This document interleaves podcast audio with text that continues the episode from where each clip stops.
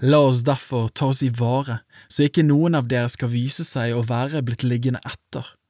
For løftet om å komme inn til hans hvile gjelder ennå, for det glade budskap er blitt forsynt for oss, like som for dem. Men ordet som de hørte, ble til ingen nytte for dem, fordi det ikke ved troen var smeltet sammen med dem som hørte det. For det er vi som kommer inn til hvilen, vi som tror. Han sa jo, så sverget jeg i min vrede, de skal ikke komme inn til min hvile, og dette til tross for at gjerningene var fullført fra verdens grunnvoll ble lagt.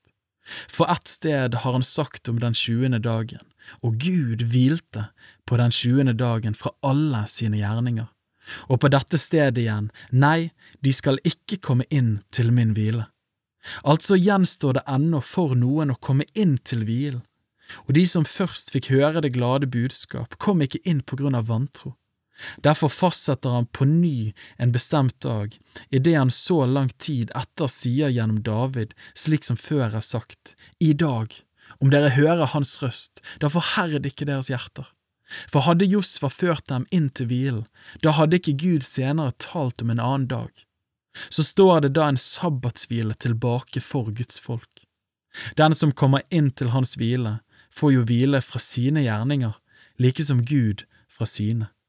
La oss da gjøre oss umak for å komme inn til denne hvilen, for at ikke noen skal falle etter samme eksempel på vantro.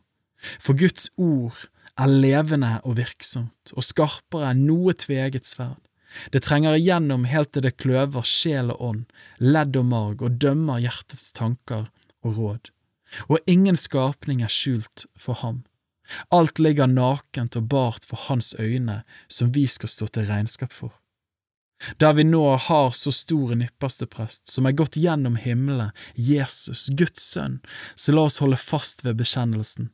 For vi har ikke en yppersteprest som ikke kan ha medlidenhet med oss i vår skrøpelighet, men en som er prøvd i alt i likhet med oss, men uten synd. La oss derfor med frimodighet tre fram for nådens trone, for at vi kan få miskunn og finne nåde til hjelp i rette tid.